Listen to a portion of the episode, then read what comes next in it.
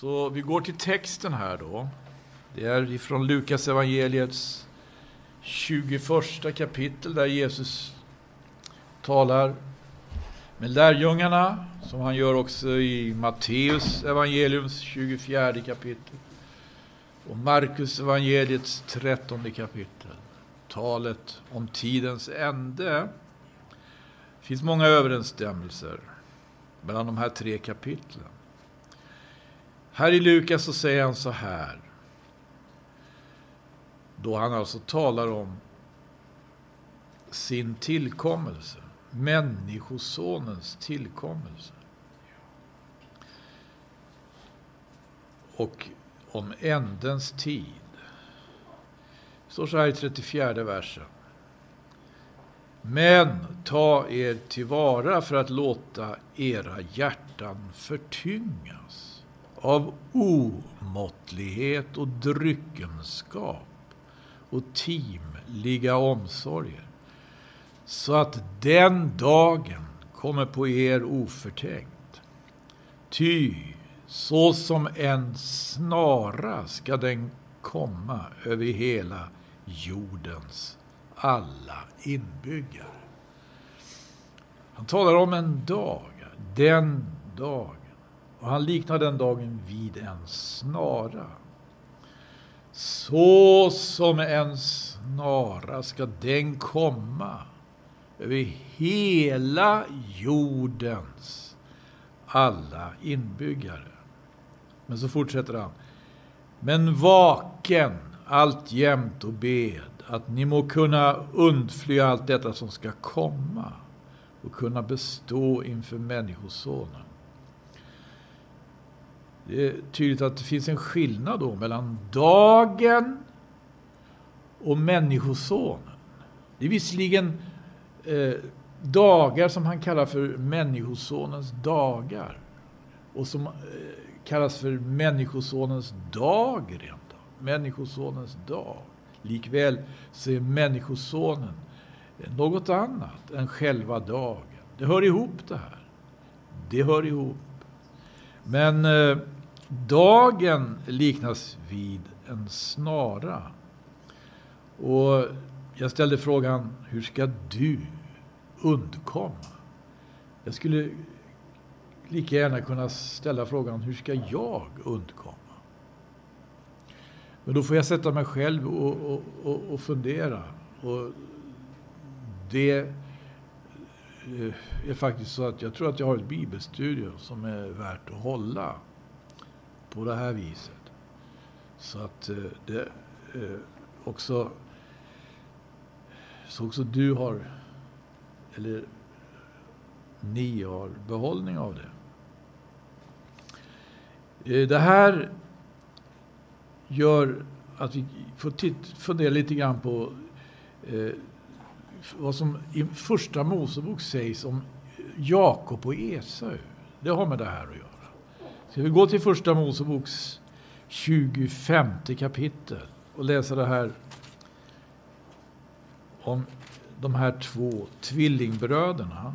Det var ju faktiskt eh, det var Abrahams barnbarn. Abraham födde Isak. Isak födde Jakob och Esau. Och de, de föddes som, som tvillingar.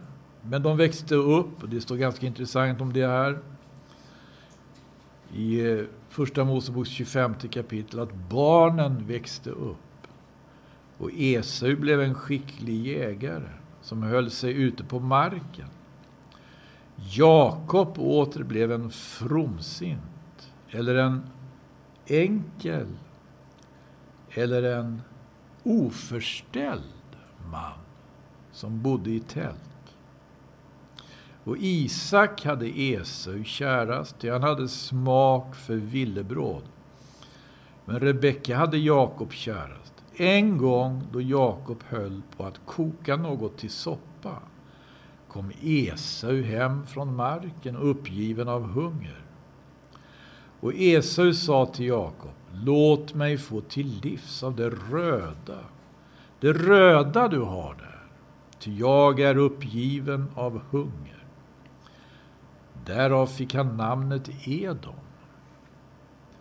Men Jakob sa, sälj då nu åt mig din förstfödslorätt. Ja, de här tvillingbröderna föddes ju på det viset att den första som kom fram, det var ju den som föddes fram först, det var ju Esau. Han hade således förstfödslorätt. Esau svarade, jag är ju döden nära. Var till gagna mig då min förstfödslorätt? Jakob sa, så ge mig nu din ed därpå.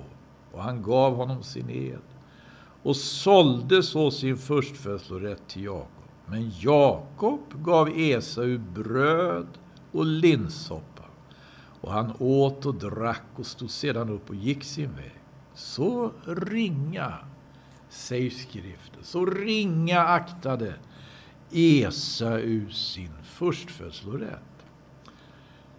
Den här lilla korta, den här episoden i de här brödernas liv och erfarenhet är väldigt talande.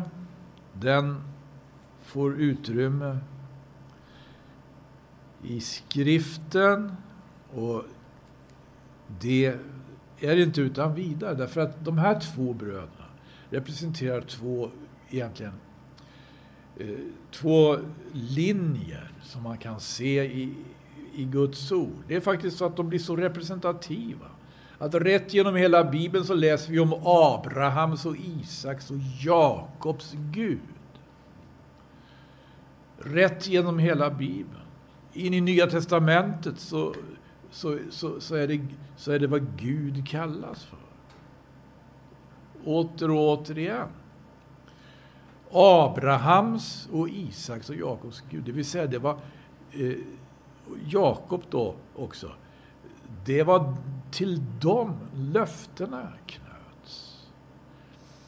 Han, Jakob, eh, kommer alltså att vara löftets man. Löftets man. Och som också bär välsignelsen. Abrahams Guds välsignelse. Vidare i historien. I den historia som blir vår frälsningshistoria. När dessa löften går i fullbordan. Esau representerar också någonting som går igen rätt genom hela Bibeln. Och profeterna eh, ägnar sig en hel del åt honom ibland. Dels som ett folk, men dels också som en karaktär som verkligen inte kan sägas vara en löftets man, men onekligen en kämpe på sitt sätt. Oh, en väldig kämpe. Det finns mera i bara eh, i första Mosebok som är mycket intressant att läsa om Jakob och Jesus som individer. Men i Bibeln läser vi om folk som kommer genom dessa. Genom Jakob kommer de tolv stammarna. Och hur många som eh, stammar som kommer genom Esau kan vi också läsa i ett kapitel. Men nu ska vi gå till Obadja. Obadja hade nämligen eh, han har nämligen ett, ett, ett Obadja är Gamla Testamentets kortaste lilla skrift, det är bara ett kapitel. Men det har eh, det här kapitlet ett innehåll.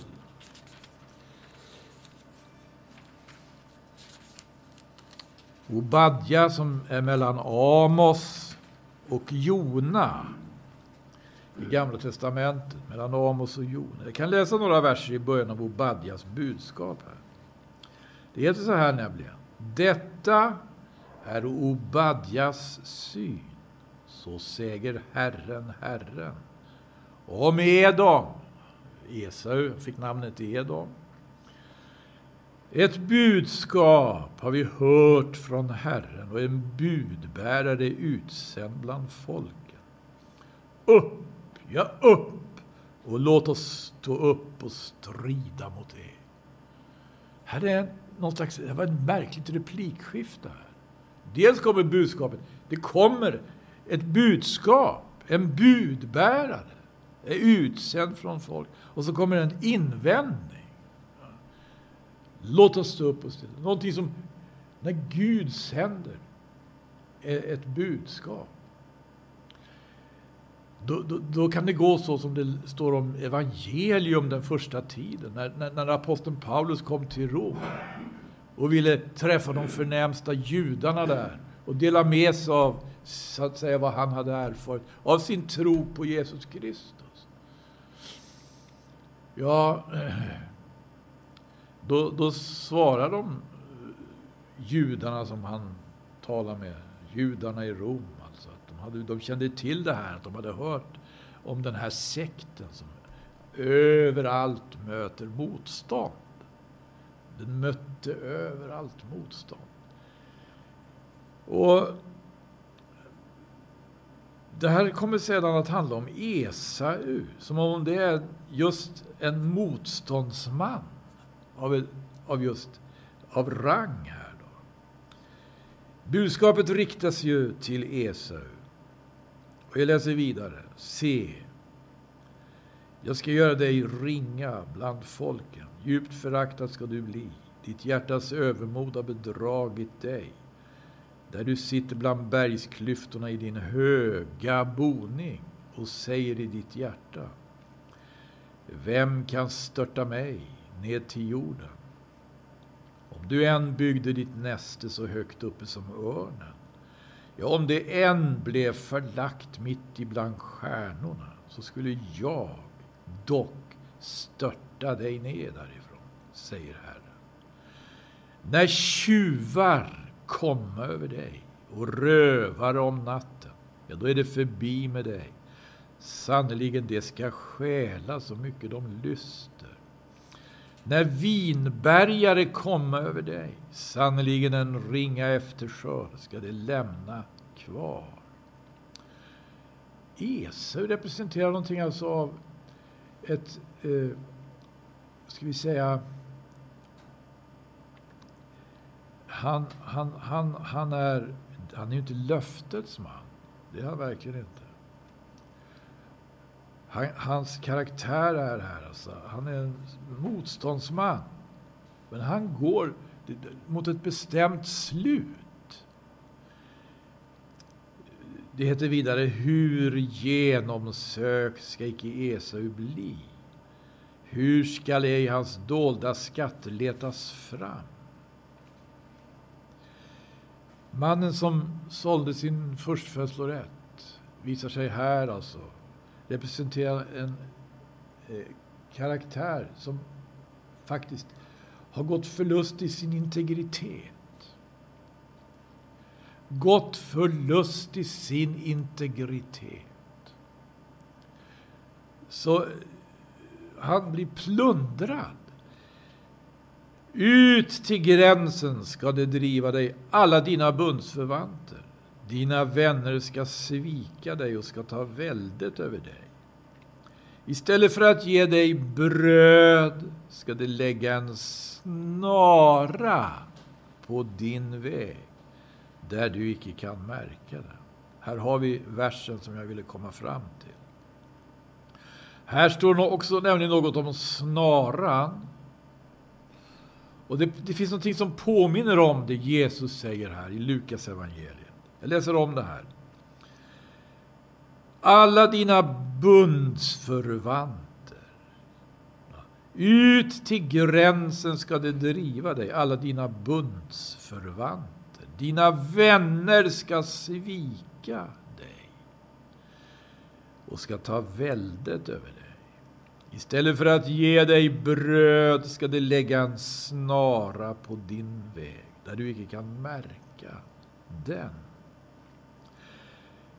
Den där versen ska vi eh, fundera lite mer över, men jag ska ta åttonde versen. Sannerligen, också till och med åttonde versen läser jag. Sannerligen på den dagen, säger Herren, ska jag förgöra det vise i Edom och allt förstånd på Esaus berg. Om Jakob var löftets man, och Esau är en motståndsman. Och på vilket sätt tar sig det här då uttryck? Det visar sig att han representerar ett ganska ett inte oansenligt mått vishet och förstånd. Men den här visheten ska Gud göra till intet, lika som förstånd. Men vad är det för vishet och vad är det för, för förstånd? Om, om den här lilla episoden som återges i Första Moseboks 25 kapitel verkligen är representativ, och det tror jag att den är, så ser vi att e- Esau var väldigt vis när det gällde hur han skulle rädda sig själv. Han förstod konsten att överleva, kan man säga. Han uttalar sig på det här sättet. Jag är ju döden nära. Vart till gagna mig då min förstfödslorätt? Jag, jag, ska, jag, jag, jag, jag dör ju. Vad, vad ska jag med min förstfödslorätt? Här finns alltså ett... Här finns ett, visst finns det en intelligens här då. Intelligensen är liksom verkligt aktiv när det kommer till att rädda sig själv. Eh, smart kille kan man säga, på den punkten. Som förstår att liksom rädda sig själv. Men allt annat då än, än vad Herren Jesus Kristus står för. Vi vet att det här var en prövning också för lärjungarna. Att Jesus var så väldigt målmedveten när det gällde att inte, så att säga, eh, låta, låta, låta sig styras av, av, av just den här överlevnadsfilosofin kan man säga. Som, som är alltså karaktäristisk för, inte för Jakob, löftets man, utan för Esau Edom, motståndsmannen. Motståndsman, i vilken mening då? En motståndsman mot Guds ord. En motståndsman mot Guds son, Jesus Kristus. Och det här är ju någonting då som eh, verkligen vi, i Jesu varningsord finner vi ju det här just. Vi, jag läser om det här, sjunde versen. I Obadja först. Ut till gränsen ska det driva dig, alla dina bundsförvanter dina vänner ska svika dig. Vilka är Esaus bundsförvanter? Vilka är hans vänner? I Bibeln läser vi det finns många vänner, en del skaffar sig många vänner. Jobb hade tre vänner. Vad hjälpte de honom då i hans nödsituation? I Bibeln läser vi om många vänner. Esau ser vi, han har tydligen förmågan att skaffa sig både bundsförvanter och vänner, men han känner inte vännen. Bibeln talar om en vän. Det är Jesus. Bundsförvanter finns här. Vänner finns här. Men det är saker och ting som utvecklas i dessa och säga, relationer på horisontalplanet. Eh, som, eh, som, som blir väldigt då lömst. Det heter så här, istället för att ge dig bröd. Tydligen så var de här vännerna och bundsförvanterna eh, benägna liksom att uppträda som någon slags garanter för Esaus överlevnad. Esau nu inte bara som en individ, utan som ett fenomen. Ett folk, kan man säga. Men en mentalitet. Bundsförvanter och vänner träder upp som garanter för Esaus överlevnad. Han fortsätter med denna oerhörda konst att rädda sig själv och är förblindad för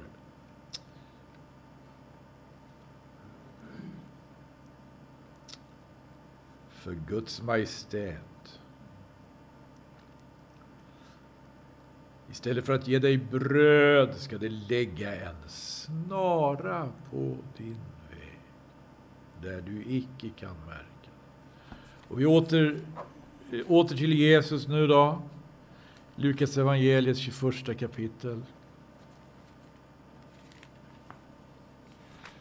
Vad var det han sa? Han talade med lärjungarna. Ta er tillvara för att låta era hjärtan förtyngas av omåttlighet och dryckenskap och timliga omsorger. Så att den dagen kommer på er oförtänkt, ty så som en snara ska den komma över hela jordens alla inbyggare. Vilka är det i det här läget som träder upp som någon slags garanter för välståndet? För, om, för en, ett välstånd som, som, som utvecklas till omåttlighet och dryckenskap och timliga omsorger. Och vad får detta för följd? Det får också den följden att man inte är vaksam och inte är uppmärksam på att det ligger en snara utlagd. Nämligen den dagen kan, kan, kan drabba oförtänkt. Så som en snara. Den dagen kan drabba oförtänkt.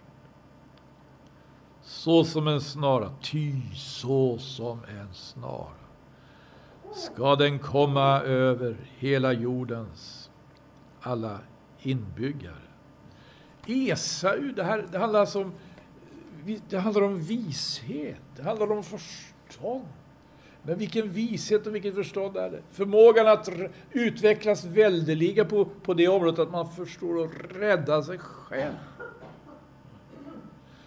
Men det som är eh, den kristna församlingens berömmelse, det är inte förmågan att rädda sig själv, utan det är ju Kristi kors. Vi ska inte ha någon annan berömmelse. Esau var förblindad för korsets härlighet.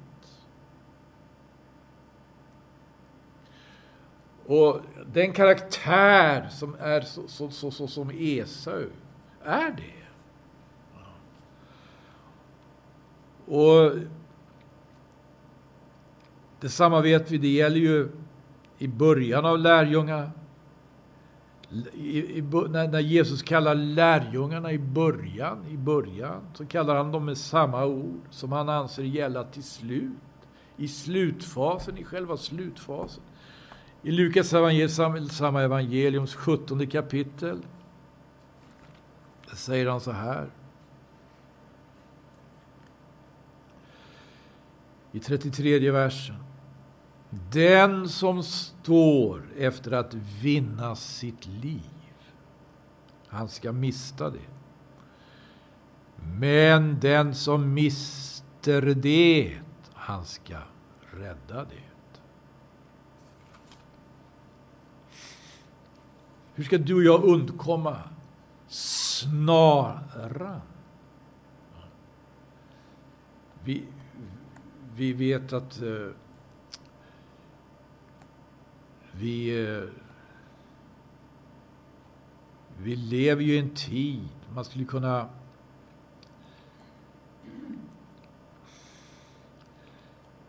fundera lite grann på saker och ting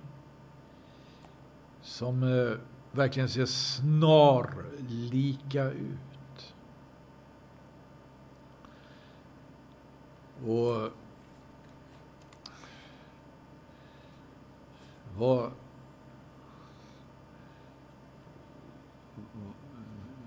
vad, vad kan man göra annat än att om man läser Bibeln och allvarligt fundera på det här profetiska ordet än att, än att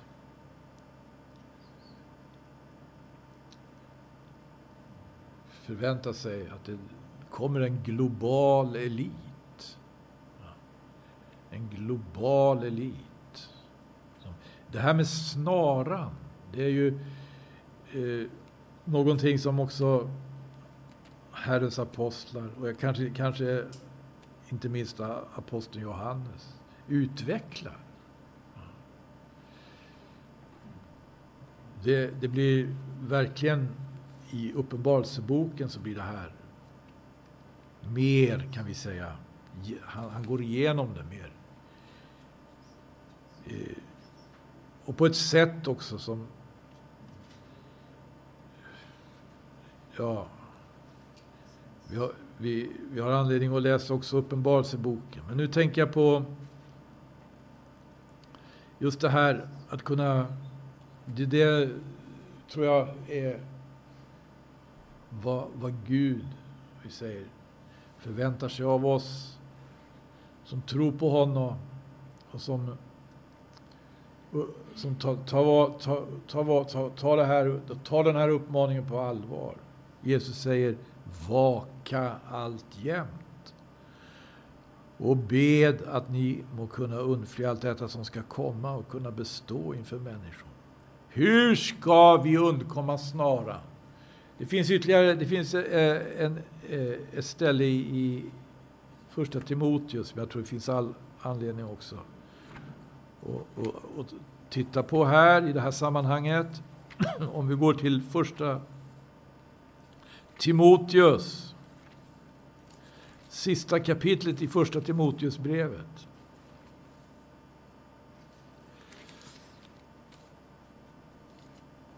Jag kan, jag kan läsa några verser där också. Det är från tredje versen. Hör här. Första Timoteus kapitel 6 och vers 3. Om någon förkunnar främmande läror och icke håller sig till sunda ord, vår Herres Jesu Kristi ord, och till den lära som hör Guds fruktan till då är han förblindad av högmod.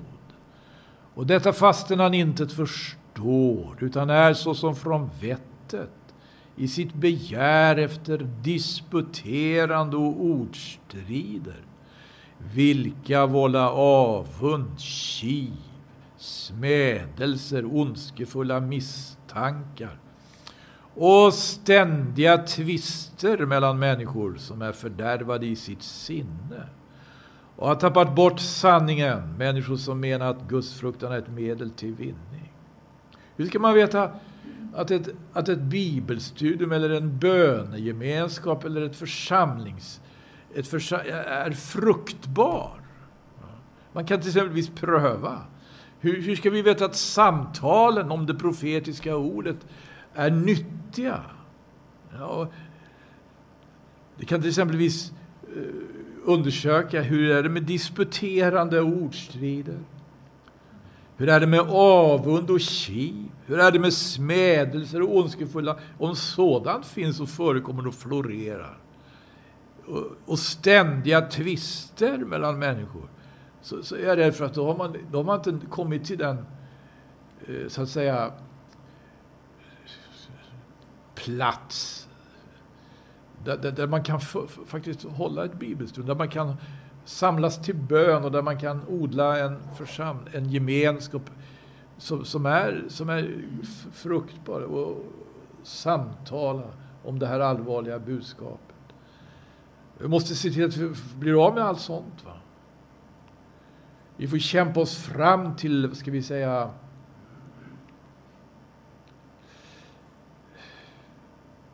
Ja, vi läser vidare.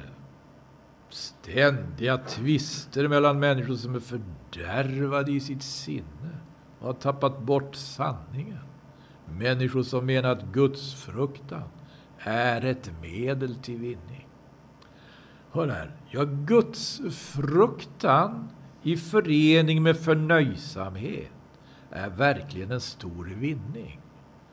Vi har ju inte fört något med oss till världen.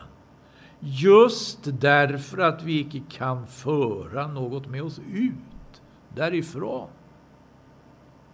Har vi föda och kläder så må, vi, så må vi låta oss nöja därmed här Här tror jag vi hamnar rätt, hörni. Hur kommer vi undan? Hur undkommer vi snart? Ja, kanske frågan lite som sådan lite suspekt. När, när Johannes döparen trädde fram. Vet ni vilket budskap han trädde fram med då? När han stod vid Jordan och folket kom och skriftlärde kom. Vem har ingivit er att söka komma undan den tillstundande vredesdomen? Det slaget, det slaget av så att säga eh, inflytande får vi också se upp med här. Vi har ju icke fört något med oss till världen, just därför att vi icke kan föra något med oss ut därifrån. Har vi föda och kläder, så må vi låta oss nöja därmed. Nu får jag fråga dig, vem är nöjd med föda och kläder? Tänk efter nu. Det här är vad aposteln skriver. Vi har, vi har kämpat en kamp i den här församlingen, kan jag väl säga, kanske rörelsen, eh, som har handlat om att om möjligt komma till rätta med, göra upp med materialismen. Är det inte så? Men det här är väl verkligen i överensstämmelse med det. Har vi föda och kläder, så må vi låta oss nöja därmed. Och vad är bra med det då? Att vara nöjd med föda och kläder. Jo, hör här, så läser vi vidare här. Men det som vill bli rika, det råkar in i frestelser och hör här, hör här, hör här. Snaror! Och hemfalla åt många dåraktiga och skadliga begärelser som sänka människorna ned i fördärv och undergång. Är det värt att kämpa för det här? Idealen? Är det värt att kämpa? Är det värt att komma ihåg? Budskapet mot materialism. Finns det en räddning undan snaran i det?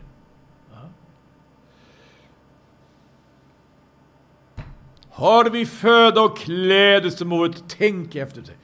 Vem är nöjd med föda och kläder? Ska vi ska vara det. Är det, är, det, är det här en utmaning? Vem har sagt att det inte skulle vara det? Nöjd med föda och kläder. Okej, okay. vi bor i kalla Norden. Vi kanske kan vi kanske kan också önska oss att vi hade något varmt och ombonat då, när den kalla årstiden kommer. Det här skrevs till folk i sydligare trakter. Skulle det vara möjligt att bara klara den nordiska vintern med kläder, då får man vara rejält påpälsad. Men, men här, här har vi liksom eh, en eh, en inriktning, hörni. Har vi inte det?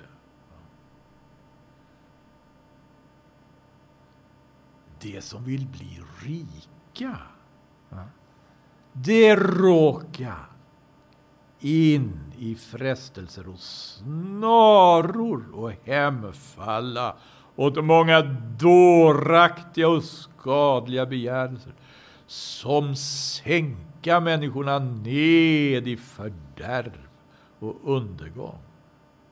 Han är ju helt i överensstämmelse, helt i överensstämmelse med Jesu ord, Jesu varningsord. Att inte låta hjärtat förtyngas. Att inte låta hjärtat förtyngas.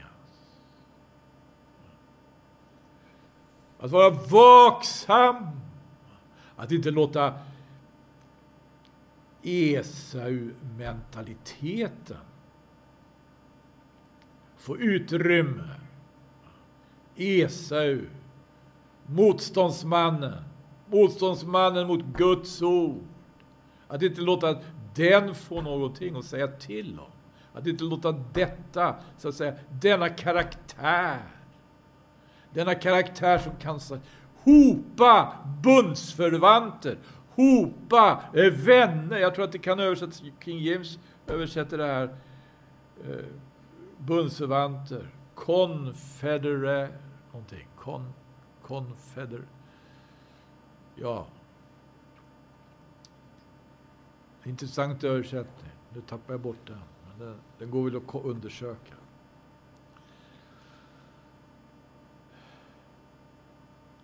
Som trädde fram som garanter för, för ett välstånd. Som, som, som underblåser överlevnadsfilosofi. Så Esau får fortsätta vara smart när det kommer till att rädda sig själv. Men vi har ett budskap som inte handlar om det. Nej. Av nåd är ni frälsta genom tro, icke av gärningar för att ingen ska berömma sig. Ty, ty, hör här, ty penningbegäret är en rot till allt ont, och somliga låter sig så drivas därav att de har villats bort ifrån tron och därigenom tillskynda sig själva många kvar. Men fly sådant du Guds människa och far efter rättfärdighet, gudsfruktan, tro, kärlek, ståndaktighet, saktmod. Kämpa trons goda kamp Sök att vinna det eviga livet, vartill du har blivit kallad. Skriver Paulus här till Timoteus. Jag tycker det här budskapet det går rätt in i vår situation, gör det inte? Pris Gud, det finns en väg att undkomma snaran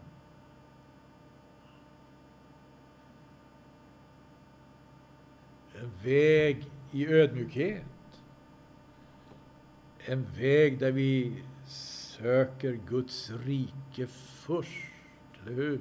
Enligt bergspredikan. Sök först Guds rike och hans rättfärdighet så ska det andra tillfalla er. Två karaktärer, Esau, Jakob. Jakob löftesman, Esau motståndsman. Och det, var, det, var inte, det var inte lätt för lärjungarna alla gånger. Esau-mentaliteten hotade att ta över. När Jesus undervisade. När Jesus förutsade sitt lidande. När aposteln Paulus kommer till Galaterna så kommer han verkligen som, en, som ett Kristi sändebud. Märkt av,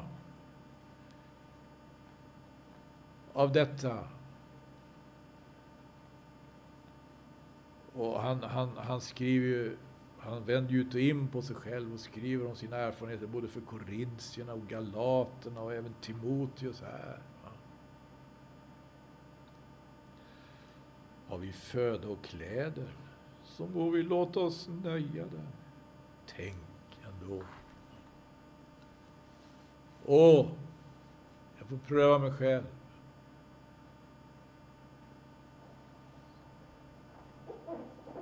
Och Tänk va.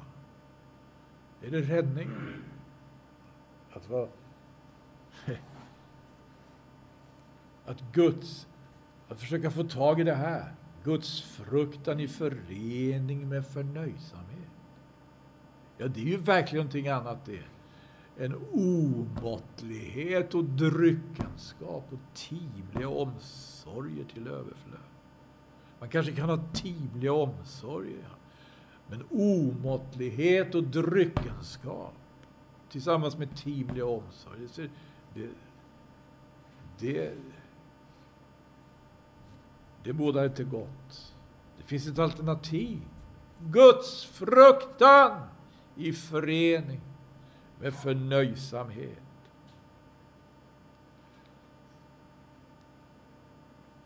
Jag tänker på tider som har varit och erfarenheter som man har gjort, men jag det är nog inte tid att uppehålla sig för mycket vid det nu. Jag vill läsa det här ordet bara. Och, Må Herren hjälpa oss.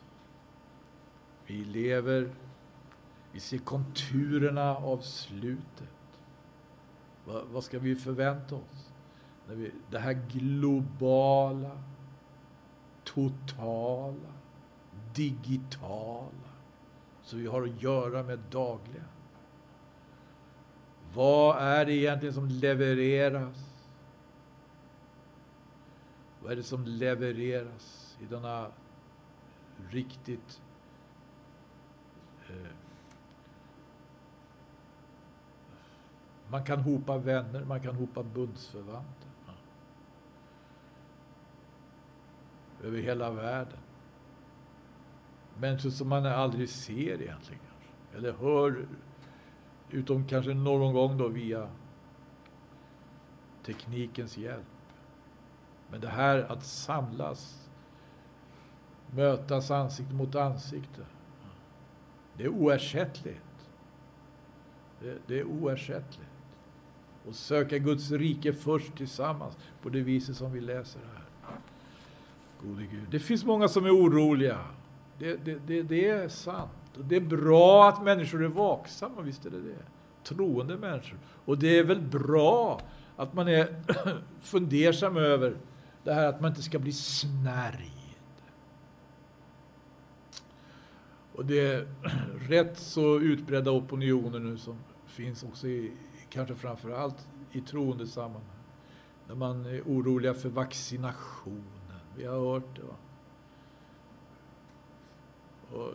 Och att vaccinet, naturligtvis. Eh, när det kommer till att vara vaksam på grund av det här ordet, då är jag med. Men om någon säger att vaccinet på något vis skulle vara något listigt anslag, då vill jag be om stöd, visa i, i Bibeln. Vilddjurets märke, ska det komma på medicinsk väg? Det står inte det i Bibeln. Det står inte att det kommer på medicinsk väg. Det kommer på religiös väg. Om vi läser Uppenbarelseboken, kapitel 13. Men det, visst, visst är det allvarligt. En allvarlig tid vi lever i. Visst är det allvarligt att vara vaksam inför just de här profetiska varningsorden. Må Herren hjälpa oss att fatta det på rätt sätt, som vi inte har fattat det riktigt. Att vi fattar det på rätt sätt. finns en väg att gå. Vi har varit... Vi har varit... Vi har, hållit, vi har hållit oss till det här, vi har hållit fram det här tidigare, hörni. Och varför skulle vi släppa det? Må Gud hjälpa oss, så vi inte gör det. Det som, som jag har läst här. Första Timoteusbrevets sjätte kapitel.